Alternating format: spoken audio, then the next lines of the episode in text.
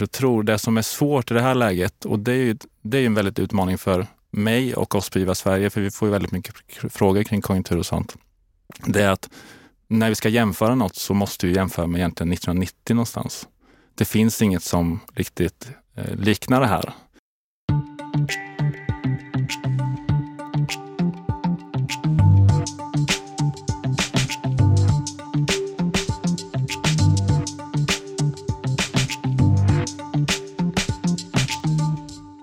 Henrik! Ja men Ted, hej! Vi är back in business i eh, studion här igen. Ja, eh, för i, du kommer ihåg hur jag avslutade förra podden? Ja, och jag kommer ihåg eh, pandemin där vi liksom eh, hade ett avsnitt per år. Nu är det två avsnitt i veckan. Ja, det är det. Och nu är det ju så att det är våran partner Giva Sveriges bästa rapport som släpps. Staten, kapitalet och medborgaren. Vem finansierar civilsamhället? Det, den gillar jag att grotta i. Jag tycker den är, det är kul läsning. Det är en fundraiser i fingerspetsarna. Ja, det är väl, det är väl kanske så. Mm. Eh, och eh, vi har ju naturligtvis en gäst här också. Mm. En kompis till dig känns det som. Du har pratat om Mårten och du sen Mårten började typ. Jag gillar Mårten, okej? Mm. Okej, jag gillar Mårten. Jag erkänner. Du, ja, ja, men så det blir roligt. Eh, Mårten som ju har tagit över efter Josefina Benasos som vi hade med i podden under eh, de två första säsongerna i alla fall. Mm. Mm. Men är det, det är så att vi öppnar dörren nu? Det gör vi. Vi öppnar dörren, släpper in Mårten. Välkommen hit Mårten! Tack så mycket. Eh, nu vet ju jag bara Mårten och att eh, genom Ted, för ni har pratat med varandra hela tiden. Vad vad- vad heter du mer? Eh, jag heter Mårten Palmefors. Mårten Palmefors, välkommen till Insamlingspodden. Tack så mycket. Eh, du är ny på Giva Sverige. Ja, du fick det att låta som att vi- liksom, we go way back. Men Ja. så, riktigt så är det inte. Riktigt så är det inte. Nej. Men ni träffades väldigt tidigt i, i Mårtens karriär på Giva. karriär på Giva. Ja, men det var ju rapportsläpp eh, eh, som presenterades av Mårten. Ja, Ja. kastades, i, kastades in fort och så var Ja. det bara att köra. Just det, för du är Givas nya dataexpert. Oj, stora ord. Ja. Eh, ja, jag är ju ansvarig för analys och omvärldsbevakning som det så vackert heter Ja. på Giva. Snygg titel. Ja. Men vad har du gjort i ditt liv innan det blev det då? Eh, Oj. Eh, mycket är väl det korta svaret. Jag gissar att det inte räcker så. Eh, jag är från Linköping från början. Eh, uppväxt på landet där utanför. Intresserad av ishockey eller? Nej, usch nej. Eh, jag är gammal innebandyspelare.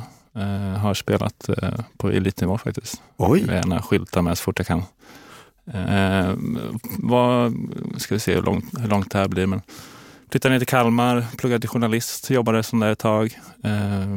Råkade börja spela poker, varit pokerproffs i några år. Slutade med det. Eh, och eh, började läsa civilingenjör, så jag har väl nio år av studier bakom mig. Eh, Finansierat av pokerspelarna? Eh, ja, delvis ja. Eh, och sen eh, så civilingenjör i industriell ekonomi.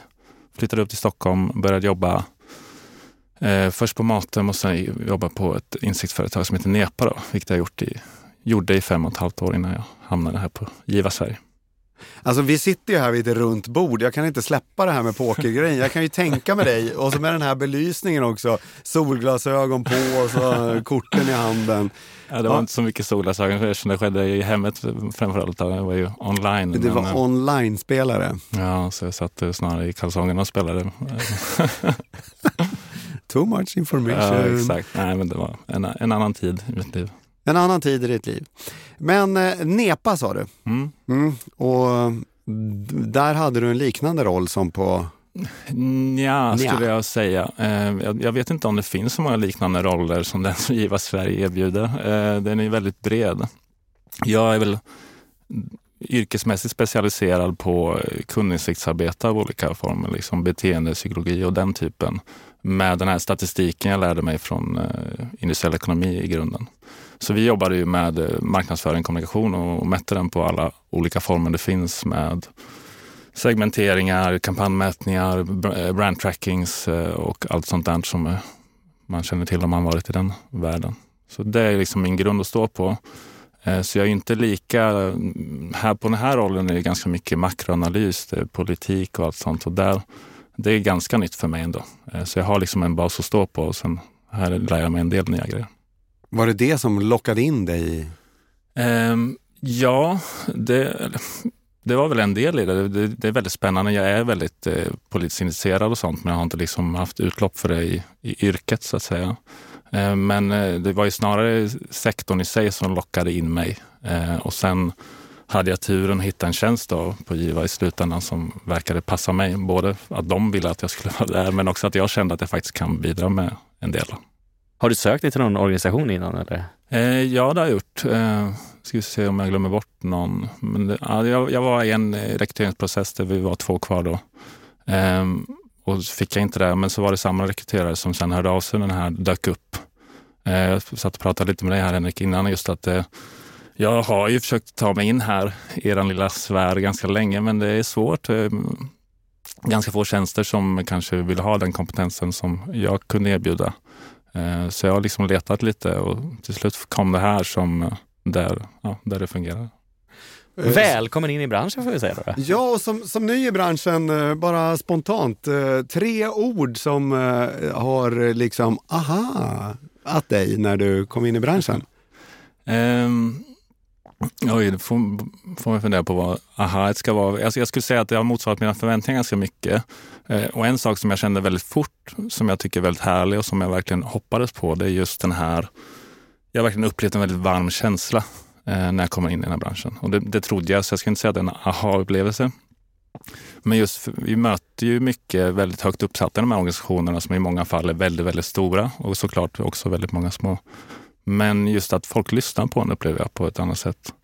Eh, jag har ändå jobbat, eh, jag satt och räknade någon gång på Nepa där jag jobbat med 80 olika företag.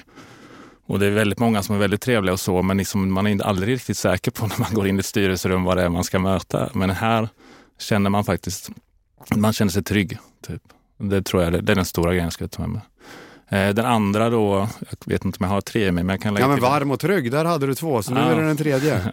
ja, men det är väl liksom både att det finns väldigt mycket eh, kunskap och siffror och sånt som jag kanske inte har så bra koll på. Eh, men jag känner samtidigt att det finns väldigt, väldigt mycket som man skulle vilja veta och väldigt mycket som skulle behöva göras som kanske inte finns ännu.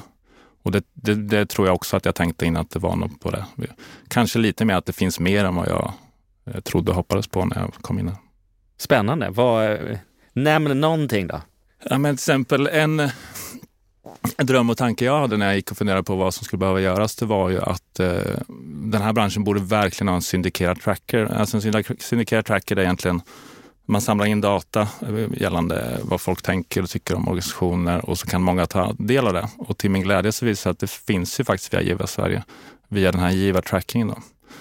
Och så det är ju det jag faktiskt har jobbat med, så den känner, har jag ju, känner mig väldigt trygg med och, tycker, och det är väldigt, väldigt, väldigt bra.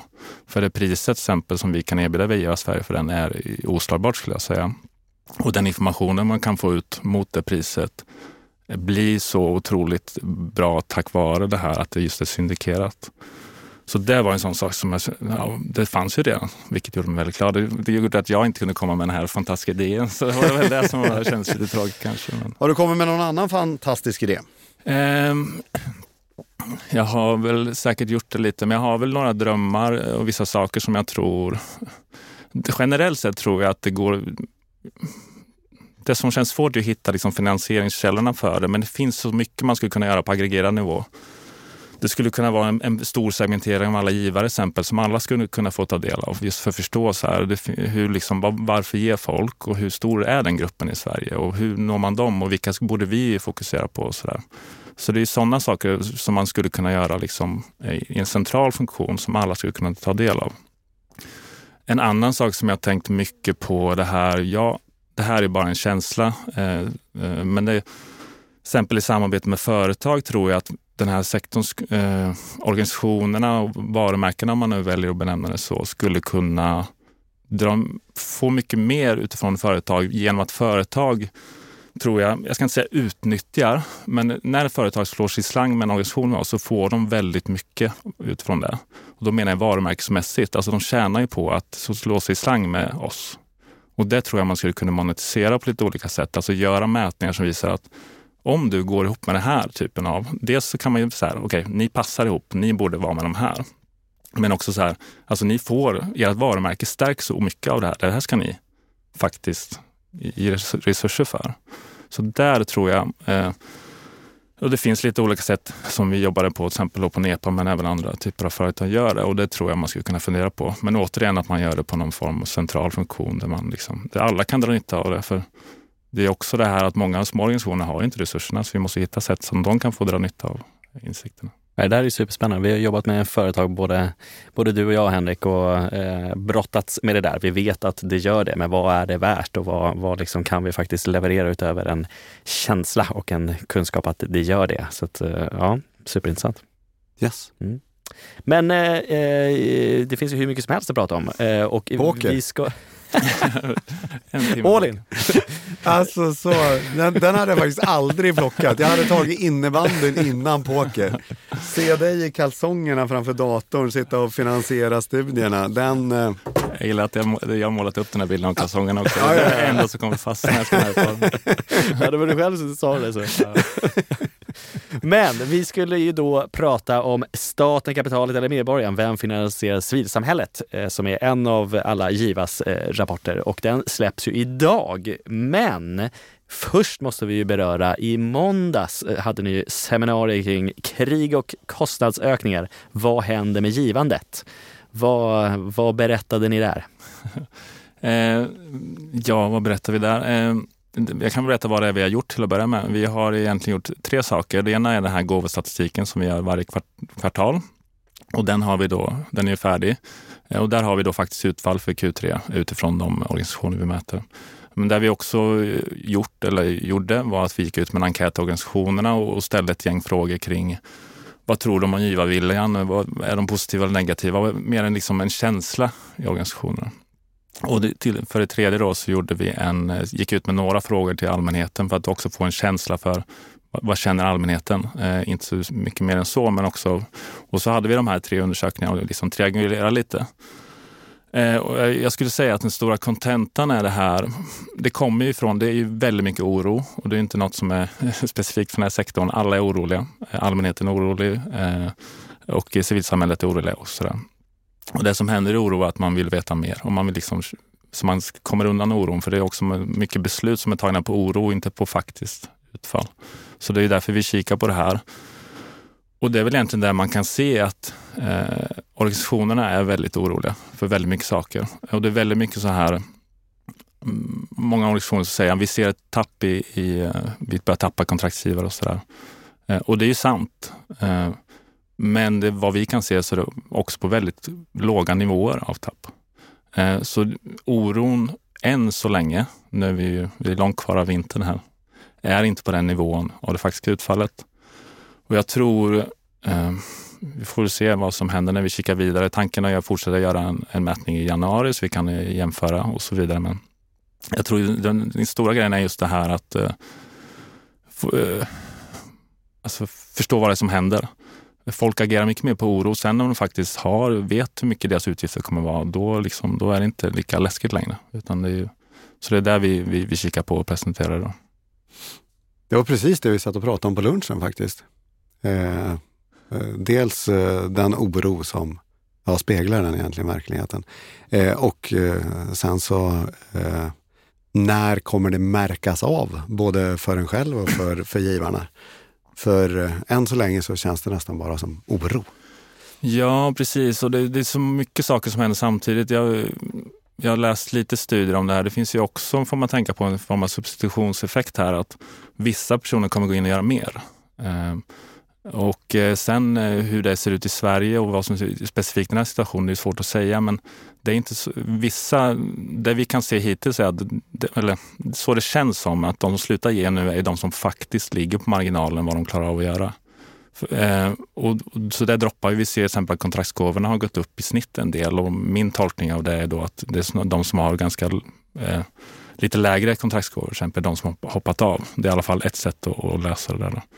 Eh, men eh, ja, det man skulle vilja veta är väldigt mycket det här, liksom hur, eh, hur prioriterar folk sina utgifter? Liksom vart hamnar givandet jämfört med en streamingtjänst och sådär? Och den kunskapen har vi inte riktigt tyvärr. Och det skulle man ju vilja veta mer om. Och vill man nu veta mer om det här så finns den här rapporten att ladda ner på Givas hemsida. Stämmer väldigt bra. Ja, vad härligt! Då kommer man gå hem och göra det.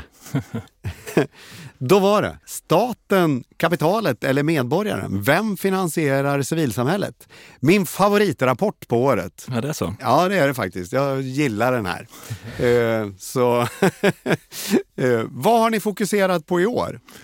Eh, vi, man kan väl säga att vi har två övergripande ämnen vid sidan av de här eh, som vi alltid har med, där vi ser utveckling. ska man säga. Och det, det ena är konjunkturläget. Mm. Den, är, den är svår att undvika så att säga. Eh, och där har vi gjort, eh, vi gjort olika saker såklart, kollat på massa olika källor, men framförallt har vi gjort två intervjuer eh, med Erik Spektor från Konjunkturinstitutet och Emily Varga som tidigare var forskningschef på Kommuninvest. Eh, och liksom sett på hur de ser på det och sen har vi applicerat olika källor då och försöker se vad betyder det för civilsamhället och alla dess finansieringsformer. Och det andra är då uppdragsgivare versus bidragsgivare där vi har intervjuat eh, Svenska Postkodstiftelsen och vi har intervjuat MUCF, eh, eller representanter för dem då, eh, för att kika på hur de ser på sin roll och och sen naturligtvis, vad, vad, tror vi att det här innebär för organisationer och sånt? Det är ju vad jag har förstått en, en aktuell fråga och det är något vi ska kika på i ideellt Forum och sådär också. Så det är de två stora och övergripande områdena. Spännande. Förra året då var det pandemin i fokus. Den är bortblåst nu. ja, det känns som det var länge sedan. Så, eh, så är det inte riktigt, men eh, det är ingenting vi lägger fokus på. Eh, sen kan man väl fundera på hur mycket av konjunkturläget som beror på pandemin och till exempel de pengarna som kom in i system och sådär. Men nej, det är konjunkturläget och uppdragsgivare versus bidragsgivare. Och konjunkturläget. Eh, du var inne på det i det förra om eh, rädslan och om den är reell eller inte. Eh, vad, vad säger ni mer i den här rapporten? Eh, alltså, det är lite samma som vi sa eh, gällande den här konjunkturrapporten då, som vi släppte i måndags. Eh, det var väldigt skönt att intervjua den här Erik Spektor måste jag säga på Konjunkturinstitutet för jag varit lite lugnare själv efter det. Eh, för att eh, han kändes ändå ganska trygg. Eh, och väldigt mycket bygger ju på att man tror fortfarande att arbetsmarknaden kommer hålla upp liksom. och att den kommer driva hushållens ekonomi på olika sätt. Så att det inte riktigt är så illa som man kanske tror. Det som är svårt i det här läget och det är ju, det är en väldigt utmaning för mig och oss på IVA Sverige, för vi får ju väldigt mycket frågor kring konjunktur och sånt, det är att när vi ska jämföra något så måste vi jämföra med egentligen 1990 någonstans. Det finns inget som riktigt eh, liknar det här. Vi kan inte prata om den här finanskrisen 2008. Det inte. Nej, vi kan inte prata 2017 om en jätteliten dipp. Vi kan inte prata om pandemin heller, för i alla de fallen har det varit ett snabbt gång neråt och sen går det upp igen. Och, det, och framförallt så kan det tillkomma massa finansiella medel och det går ju inte nu. Både för att man är, vi, räntorna måste upp och så, men liksom, vi kan ju inte tillföra finansiella medel för inflationen är på 10 procent. Det är en jättesvår utmaning som de sitter i. Eh, så det, det, ja, jag vet, det var väldigt spretigt nu, men eh, kontentan är att själva konjunkturläget i sig kanske inte är så dramatiskt som man tror. Däremot så är det läskigt att det ska vara en lågkonjunktur som kanske fortsätter såklart. Och sen eh, slår vi ihop det då med eh, egentligen kommunernas roll i det här. Vi, vi, eh, regeringsförklaringen kommer nu. De ska ju tillsätta 6 miljarder till eh, till kommunerna var, var det sagt. Eh, och det är liksom hur de ska hantera det och vad innebär det här för civilsamhället? Eh, till exempel, eh, om vi, då pratar vi om civilsamhället i stort, eh, eh, måste de fokusera mycket mer på kärnuppgifter. Vad händer med kulturen? Vad händer med idrotten och, och de finansieringskällorna? Så det, ja, det finns väldigt många sidor av det eh, som vi måste ta oss an. Mm. Och det hänger kanske lite grann ihop med då den andra delen utav den här rapporten. Eh, ja, det kan man väl säga. Där fokuserar vi på egentligen, eh, alltså vi har valt ut MUCF som en statlig myndighet då för att egentligen förstå hur de, vad är deras utmaningar eh, och, och, eh, och möjligheter i, i, deras sätt att finansiera civilsamhällesorganisationer. Och sen jämför vi det med Svenska Postkodstiftelsen. Eh, men liksom ambitionen är ju att visa på vad det faktiskt, det är ju såklart, vi är intresserade av vad, som, vad det betyder för civilsamhällesorganisationer i, i slutändan, men vi tar det greppet att vi frågar dem för att sen se hur det är. Och en sak som man kan säga är att det är väldigt det är en väldigt tydlig skillnad mellan Svenska Postkodstiftelsen och MUCF och den kommer ju väldigt mycket på hur omvärlden ser på dem och framförallt hur mycket press som sätts på dem. Eh, vi, på Giva har vi, vi har det här med kvalitetskoden som ni är mer bekanta med än vad jag är, garanterat. Eh, men det handlar ju liksom om så här, okay, det är så mycket riktlinjer och krav och man måste följa så mycket saker och det tar väldigt mycket tid och väldigt mycket resurser. Och det vi, vi pratar mycket om med MUCF är just att de har ju så otrolig omvärldspress på sig att beskriva att vi gör väldigt mycket bra saker. Eh, de får en väldigt stor press på sig utifrån. Och det är väldigt lätt att det förvandlas till olika riktlinjer och krav eh, till organisationerna. För MUCF måste kunna bevisa hela, hela tiden vad de gör med sina pengar. Medan Svenska Postkodstiftelsen som då är en, en stiftelse eh, har ju mycket större frihet i hur de använder sina pengar och då helt plötsligt öppnar det upp för att man kan ja, men, olika projekt kan få vara innovativa. Man måste inte veta att det blir ett lyckat utfall, vad nu ett lyckat utfall är. Eh, så, så då, då är plötsligt, ja men det blir en helt annan finansieringsform egentligen som inte är lika, lika bunden. Eh, sen har inte MUCF står för mycket större trygghet och liksom det förhoppningsvis i alla fall återkommande pengar år till år. Så de har ju en annan roll och sådär. Så det är både det här vilka roller de har, men det är väldigt tydligt att de har olika förutsättningar också. Och det i sin tur slår ju på civilsamhällesorganisationerna, för det är de som i slutändan sen får ja, ska hantera alla riktlinjer och krav och liksom vad är det som krävs för att få, få pengar från de här organisationerna. Och så MUCF, hur ser deras eh, olika sätt att dela ut pengar till civilsamhället? Eller har de olika sätt att dela ut pengar? Eh, ja, det har de. Eh, de har det de kallar projekt och verksamhetsorganisationsbidrag. Eh, och där är ju det här det är lite det är mycket mina tolkningar, kanske, det kanske jag borde börja med att säga det här. så, så det inte bara liksom giva Sveriges sanningar och framförallt inte min bild av vad som har sagts i intervjuerna och, och sådär. Eh, men eh, alltså deras sätt att ge bidrag som eh, eh inte styrs av de här stenhårda projektområdena eh, är ju delvis via organisationsbidraget för då kan de ge pengar som sen det är mer fritt för organisationerna att hantera. Då.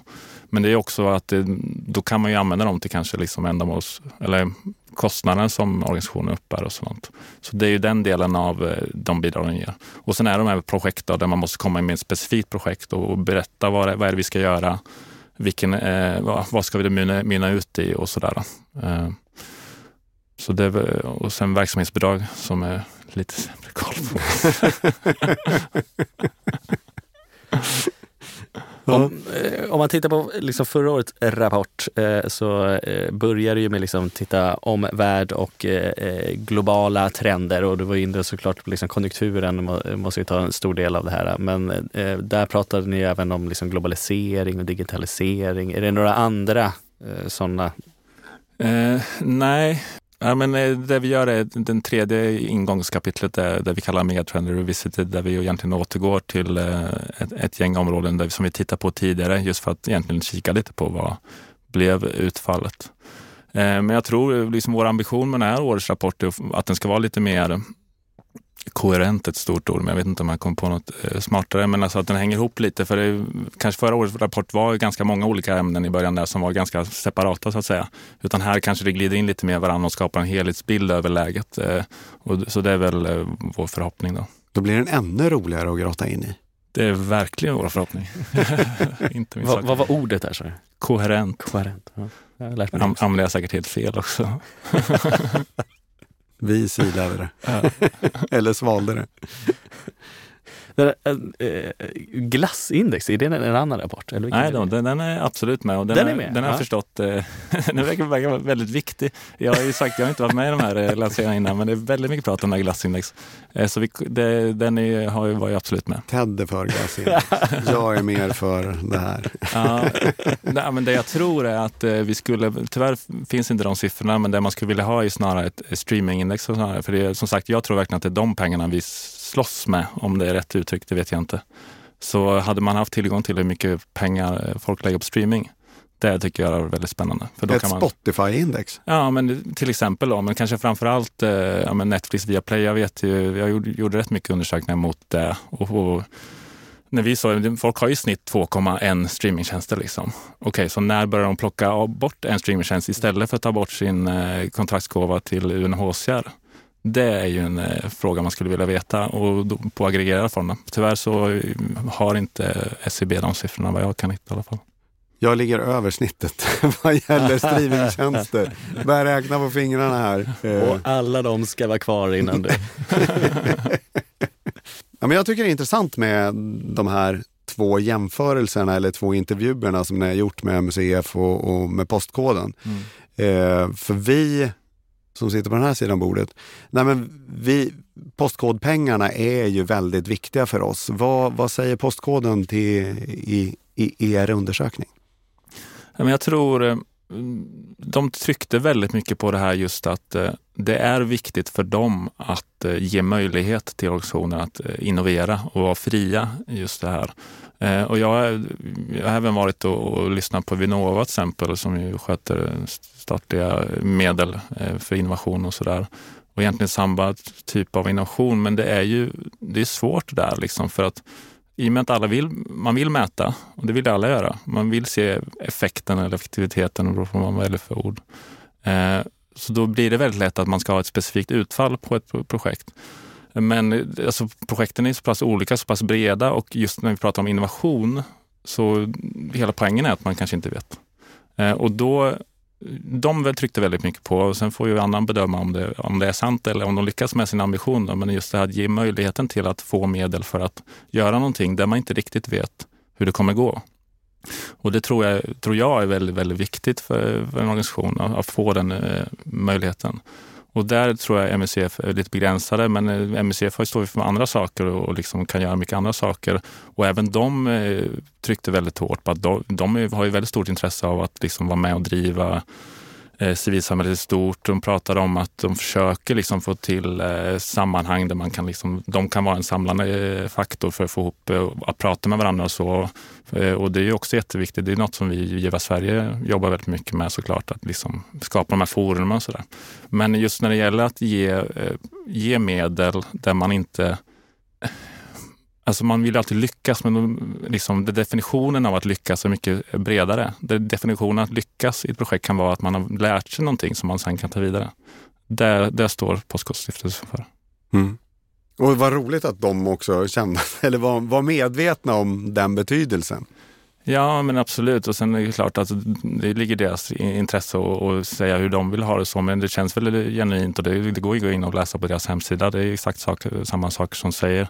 Eh, sen har ju de, det är ju inte så det, det, är klart, även deras finansiärer har, har ju ett intresse av att pengarna inte bara försvinner ut i tomma intet såklart. Eh, men det kanske är lite skillnad på att det ringer in några, eh, några som har köpt lotter och undrar liksom vad som har hänt istället för att eh, egentligen hel hela Sverige tittar på vad MUCF gör med sina pengar och framförallt nu under hösten har det varit väldigt mycket diskussioner, framförallt bistånd och sånt, men det är egentligen samma grundfråga det här. Alltså, används pengarna rätt?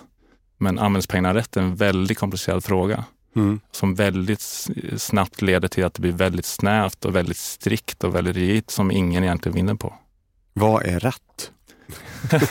ja, nej, men det är jättekomplext. Men som sagt, vi, jag tror, vi antar att vi alla är överens om just den här möjligheten att innovera och skapa. För det är, inom näringslivet så är det ju så att eh, de företag som lyckas är de som faktiskt vågar testa och sen inte alltid lyckas men liksom går vidare utifrån det. Och den måste ju få finnas inom civilsamhället också för annars blir det ju ett eh, jätteproblem typ, om vi inte kan eh, vara öppna på det sättet.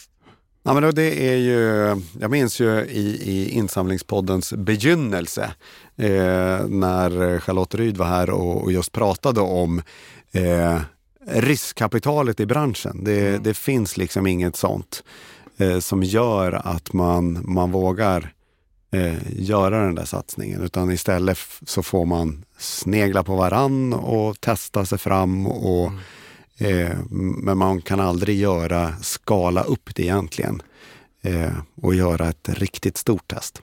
Ja, det är så synd också för det, om vi återgår till det här vad som jag har känt i, i branschen. En sak som jag kanske glömde det är ju uppenbara att det är så otroligt mycket bättre och större samarbete mellan olika organisationer här än vad man ser i näringslivet. Det är ju otroligt uppenbart. Och det innebär ju att liksom ger man pengar till en organisation så är det inte omöjligt att man faktiskt kan få ringa på vattnet utöver hela inte hela civilsamhället, men i alla fall i närheten. Så det gör ju att den typen av investerade pengar kan ju mycket väl vara ännu bättre effekt än vad man skulle kunna se i näringslivet. För där kommer man ju vilja hålla på sina, det behöver inte vara patent, men liksom, ja, sin kunskap och sådär. Så nej, det är jätteviktigt. Men det är kul att du känner så. Vi hade ju Elisabeth Thand Ringqvist som är aktuell av en annan anledning nu, men hon var även här i podden och pratade om Vaccine Forward och eh, hon upplevde ju inte det, att det var så där öppet och härligt som vi ändå har upplevt det. Eh, alltså det finns säkert det finns många dimensioner i det här. Jag vet inte vilken hon funderar på mest. Och det finns ju absolut säkert områden och mellan vissa aktörer där det blir en form av konkurrens. Men om man ska kolla på en aggregerad nivå, alltså inom hela sektorn och jämföra det med näringslivet, då tycker inte jag det är en fråga. Utan då, då är det så att det finns ett mycket, mycket bättre samarbete. Men eh, i den här eh, rapporten, du var inne liksom på eh, konjunkturen och, och eh, de här intervjuerna, eh, men i de faktiska diagrammen och, och de här tre delarna eh, med staten, kapitalet, medborgaren. Vad, har det hänt någonting där? Vi ser att eh, finansieringskällorna, det är ju tryck på allihopa samtidigt egentligen. Staten, medborgarna och kapitalet. Eh, medborgaren är väldigt mycket en osäkerhet, men eh, staten eller kapitalet också. Då. Men staten, där finns det ju kanske inte resurser och framförallt på kommunnivå. Eh, men samtidigt som vi ser och antar att civilsamhället kanske måste ta en större roll. Eh, det, det, I alla fall inom vissa typer av ändamål, vissa områden, så kommer man behöva göra mer. Samtidigt som resurserna kanske, oavsett om det inte blir mindre, så kommer det vara realt kommer det vara eftersom att inflationen urholkar och vi har ökade kostnader och sådär. Så vi står inför en situation där civilsamhället måste, kanske måste ta en jättestor roll samtidigt som vi inte alls är säkra på att finansieringen kommer att följa med. Och det bygger väldigt mycket på att eh, kommunerna har en väldigt utsatt position. Eh, och det är inte bara i år utan det är ju framåt. För vi pratar om försörjningskvoter, vi pratar om eh, ja, eh, befolkningstillväxt och allt vad, vad det kan vara. Sådär. och mycket arbetskraftsbrist också, till exempel till, till sjukvård och allt sånt där civilsamhället kommer att få en större roll mm. i det här. Och det är bara, eh, jag tror det är bra för civilsamhället. Ja, absolut. Det kommer ge en, ge en synlighet på ett sätt. Men eh, det, sen gäller, då gäller det att förutsättningarna är på plats också i tillräcklig del. Men absolut, det, det sätter ju en press på civilsamhället att utvecklas och eh, lära. Det är lite inne på det här med innovation. Det kanske kommer krävas att man eh, förstår hur man får, får medel och, och sen utnyttjar dem på bästa sätt. Eh, det jag kan säga är att vi har gjort den här ledarens undersökning som har gjort det rätt många år nu. Eh, och den, men den är ju mycket en, en, lite liknande när vi gjorde med konjunkturläget. Det är ganska liknande frågeställningar, men det är just det här att eh, positivismen har ju gått ner något oerhört. Både vad gäller finansiella medel och sin tilltro och sådär. Men jag tycker det, det, är fascinerande och det här såg vi, det har vi sett egentligen både när vi har haft så här luncher med organisationer, vi ser det i den här enkäten att de organisationer som eh, inte ser själva att de börjar tappa, de tror ju inte att civilsamhället ska tappa. Eh, alltså man är, man är sig själv närmst så att säga. Eh, så liksom, om man själv börjar se, oh, här händer någonting, och då antar man bara att det liksom eh, är, eh, är, eh, lite knasigt överallt. Eh, så det är väldigt spännande. Men ja, så ledarens undersökning ser vi ganska stora eh, skiftningar i hur man, hur man ser på framtiden. Så får vi se en, en sån tydlig exempel att man, det är ganska mycket färre personer eller ledare då som tror att civilsamhället ska öka nu i omfattning. Eh, och det var ju till och med under pandemin så var ju den på mycket, mycket högre nivå än vad vi ser nu. Men eh, din oro eh, minskade ändå när, eh, efter den här intervjuerna. Det är ju ändå härligt att höra. Ja. Så att liksom julen nu, vi ska inte gå behöva ha ångest för den, eller? Nej, men det, är, alltså, det är fortfarande osäkerhet. Vi, vi jobbar ju alla gemensamt här för att långsamt eh, få grepp om det. Men eh, jag tror, och det är lite den funktionen vi har, eh, nu blir det lite sidospår här, men jag jobbade ju när coronapandemin eh, kom där i 2020. Så det företaget jag jobbade på, Nepa, det, alltså det, all insiktsarbete bara försvann ju i princip. För det var ju, låg ju överst på Eh, budgeterna. Så det var det första man tog bort och så det var riktigt eh, knackigt där ett tag. Men det som hände sen var att sen kom alla tillbaka för det, det man vill ha mest av allt, det var insikter. För att man visste ju ingenting. Och så kommer det vara nu, tyvärr kanske ganska långt då, för vi vet inte om det här blir en lågkonjunktur och hur långt den sträcker sig där. Men det handlar om att långsamt liksom skära bort den här osäkerheten för att kunna ta välgrundade beslut. Och vi har ju faktiskt sett, eh, jag såg till exempel nu, det var väl att eh, Rosa bandet-kampanjen slog rekord. Eh, jag tror Cancerfonden också har gjort jättebra saker. Det är en sån sak som jag liksom på ett personligt plan har tänkt att är det så att vi kommer gå över från de här långsiktiga, om man nu ska se det som forskning och sånt och kanske skicka mer att mer pengar går till lokala och liksom mer krishanterande saker. Eh, så det, det, kan ju också vara så att det kommer skifta mellan olika ändamål inom branschen, men det har vi inte sett ännu. Så då blir jag också mindre nervös för att vi på bredare plan ska, ska gå neråt. Eh, jag såg en studie i England eh, där de har kikat på det här och där var det ty tydligt så att det har skiftats mer pengar mot NHS och eh, lokala saker. Då. Eh, framförallt var det ju invasionen i Ukraina som hade gått ner i, i insamlingsmedel. Då. Men, eh, så där såg man lite den ten tendensen. Nu kommer jag knappt ihåg vart vi var när jag började här, harangen. Men poängen är att liksom långsamt skala bort osäkerheten och jag tycker inte det vi ser ju små nedgångar och det är absolut så. Och det finns fortfarande möjligheter för att det kan bli mycket sämre. Men jag tycker inte den samlade datan vi har och den information jag hörde när jag pratade med Erik på Konjunkturinstitutet ger fog för att man ska ge upp än i alla fall. Du känns väldigt lugn och trygg. Det, det tycker jag känns eh, eh, förtroendegivande. Ja, är det det folk kommer, kommer tillbaka i mars och lyssnar på intervjun och så skrattar åt mig. Det, men den här eh, att du inte kände, det, eh, eh, att du kände mindre oro efter den här intervjun med Erik, var det för att det kanske inte blir så långvarigt som vi har trott eller att den nivån vi kommer att vara på inte kommer att påverka insamlingen? I, I grunden handlar det om att ja, det, det, är en ganska bra brasklapp som du är inne på där, att det är svårt att säga liksom om ett år. Eh, men till exempel så tror de att eh, nu kommer vi väl få, eh, räntan höjs ju här successivt, men han, deras prognoser säger att den kommer sjunka igen nästa höst, deras tro. Vilket innebär att då kommer vi få mer pengar in. De bygger väldigt mycket av sina resonemang på det här hushållens disponibla inkomster. Egentligen de kikar, så som jag uppfattar det, att de kikar på hur allting som sker, hur påverkar de folk?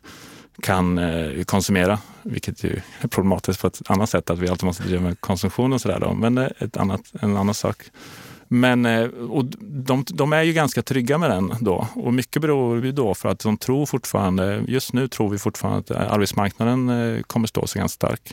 Och det är fortfarande så att vi har en befolkningsökning vilket gör att reellt så får vi in mer pengar att konsumera och så vidare. Så det var ju liksom det, det, det hände väldigt mycket saker. Eh, vi har ökade kostnader på el och sånt. Nu kommer ju högkostnadsskydd och så vidare. Så jag tror just den här totala ekonomikraschen kunde nog inte han se riktigt. Det som är oroligt tror jag är att det är så mycket olika saker man ska hantera samtidigt. Och det är framförallt det att inflationen är väldigt stor samtidigt som man egentligen vill skicka in pengar i samhället. Eh, och den, eh, det är en väldig utmaning att få till den balansen. Eh, han sa en, en intressant sak Ja, men apropå det här att om konjunkturläget faktiskt beror på coronapandemin. USA gick ut med ett eh, här stöd under, eh, om det var hösten 2020, när de skickade tusen dollar till alla. Helikopterpengarna? Exakt. Och det är faktiskt så, det är kanske det som delvis vi ser nu. Att de, de skickade bara ut pengar i systemet vilket driver inflation.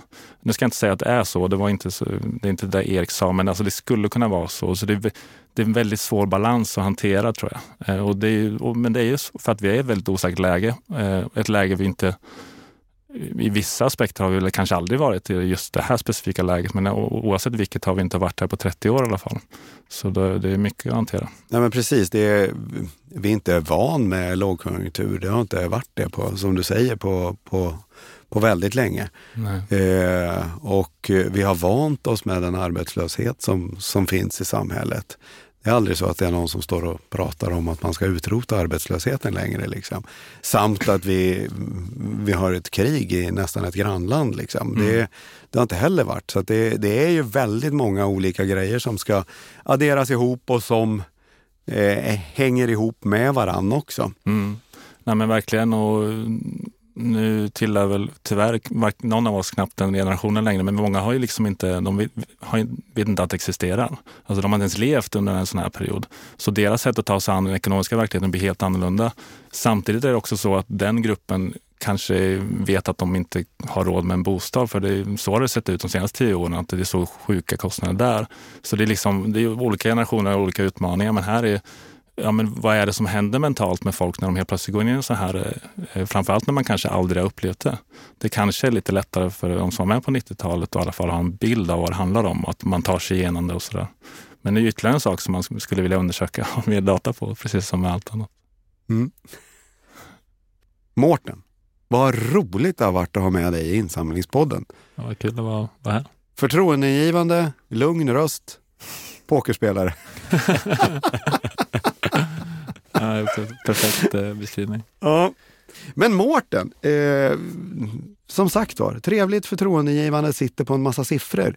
Eh, kan inte du eh, nästa säsong, jag ger dig ändå lite förberedelsetid, eh, en julkampanj ska vi ha och du ska fira jul och nyår. Men eh, ta upp Josefinas fallna mantel och komma hit eh, en gång eh, i veckan och eh, berätta om lite Mårtens fräcka siffror. vi får jobba lite på arbetsnamnet tror jag. Men, Absolut, det hade varit en ära. Jag tror det finns väldigt mycket vi kan dela med oss av som vissa kanske hört eller vissa kanske inte hört. Så det gör jag jättegärna. Ja men vad roligt. Då säger vi tack och välkommen åter. Tack själv. Mårten, din kompis. Jag vill också bli kompis med honom. Vilken snubbe han var. Det var ju jätteroligt.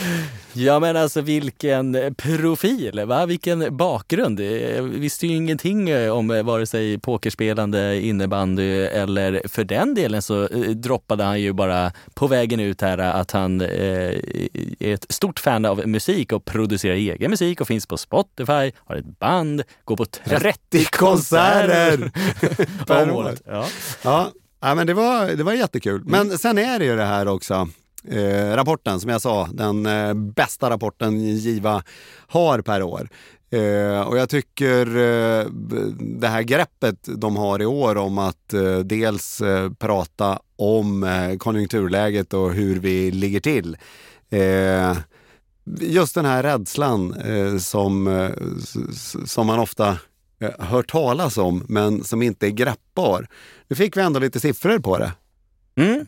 Men eh, det var ju en positiv eh, ändå eh, framtidsutsikt han kom med. Så det var ju himla härligt. Det får vi ta med oss hela branschen att eh, det är tuffa tider men håll i, håll ut. Det var en annan, mm. en annan katastrof det. Eh, ja, så den andra delen då. Eh, där man ju, eh, ja det var intressant eh, det han sa om postkoden och, och, deras egen syn på eh, just det vi känner som, som sitter, att det är, de står för ett, ett viktigt kapital åt oss som inte är öronmärkt. och, och man kanske säger allt för sällan till postkoden när man träffar dem hur, hur enormt viktigt det här är för oss och hur, hur, vilken nytta de gör både för min organisation och för alla andra organisationer som är med där. 59 stycken är det nu. Du var på träffen, det hör jag. Ja, jag har varit på träffen. Jag, jag har koll på senaste siffrorna. Mm. Mm, senaste siffrorna. Mm, vad kul att han också, eh, du hade en liten spontan idé där på slutet att ha med honom eh, så som vi hade Josefina. Eh, så det blir kul. Då får vi träffa mer av eh, Mårten och lära oss mer om hans eh, pokerspelande och eh, siffror. Ja, det blir ju jätteintressant. Men innan vi slutar så kanske det är på sin plats att vi än en gång lyfter det här erbjudandet som 845 och Inspire hade. Och Inspire som är ett system som gör att man kan skicka brev och man kan skicka mejl och allt sånt sköts automatiskt därifrån. Och eh, tillsammans med oss på Insamlingspodden så får man ju en gratis förstudie om man bokar det här före nyår. Och med det så säger vi tack och hej! Fino!